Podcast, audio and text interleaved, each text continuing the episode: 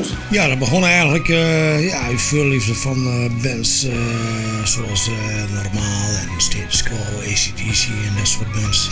En in februari 92 is het echt begonnen voor mijn werk. Fantastische tijd. Veel optredens gehad. Ook veel voorprogramma's met De Dijk, Jovik, Normaal, Cornering, Skik, nou noem maar op. Ik heb ze vanaf het begin gevolgd hoor. Ook toen, toen die eerste CD kwam bij RTV Drenthe, toen had ik het al in de gaten. Ik denk, dit is wel een bandje waar wat in zit. Ik vind dat uh, het een super band is voor boerenrock, om het zo te zeggen. Met een uh, geweldige sfeer, uh, goede zanger, gitarist, geweldige entertainment. William, ja, super band. Ja, we, we waren als station zijnde denk ik er wel gek van. Het was wat nieuws, het was wat anders, het had een andere klank. Met, natuurlijk vergeleken met, dat, met een andere band zoals normaal. Dat is logisch. Wat maakt de muziek van Mooi Wark zo goed? Ja, omdat ze goede nummers hebben. Goed zo, man. Ja, en noem eens een paar goede nummers van de band. Idioot, In de blote kont. En het, het, het status quo gehalte erin. Daar moet je als jonge jongen een beetje van houden. En, en, en de zuiverheid van de rock. En, uh, maar wel gek eruit op de radio.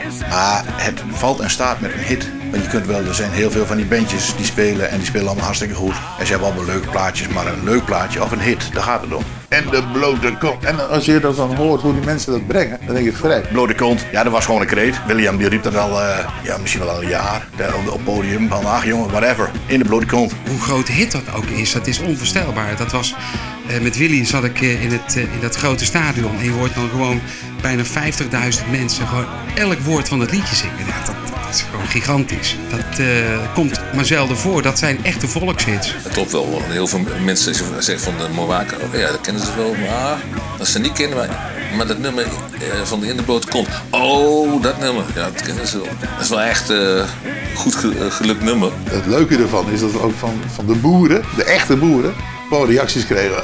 Draai, draai nog één. Weet je wel? Dus dat is leuk. Ja, tuurlijk. Biertje erbij altijd goed. Wij kunnen dus Blote Kont zingen, maar daarna kunnen we ook bijvoorbeeld uh, Warkende Helden zingen. Ja. En dan is het niet dat iemand zegt, nou dat moet je niet doen.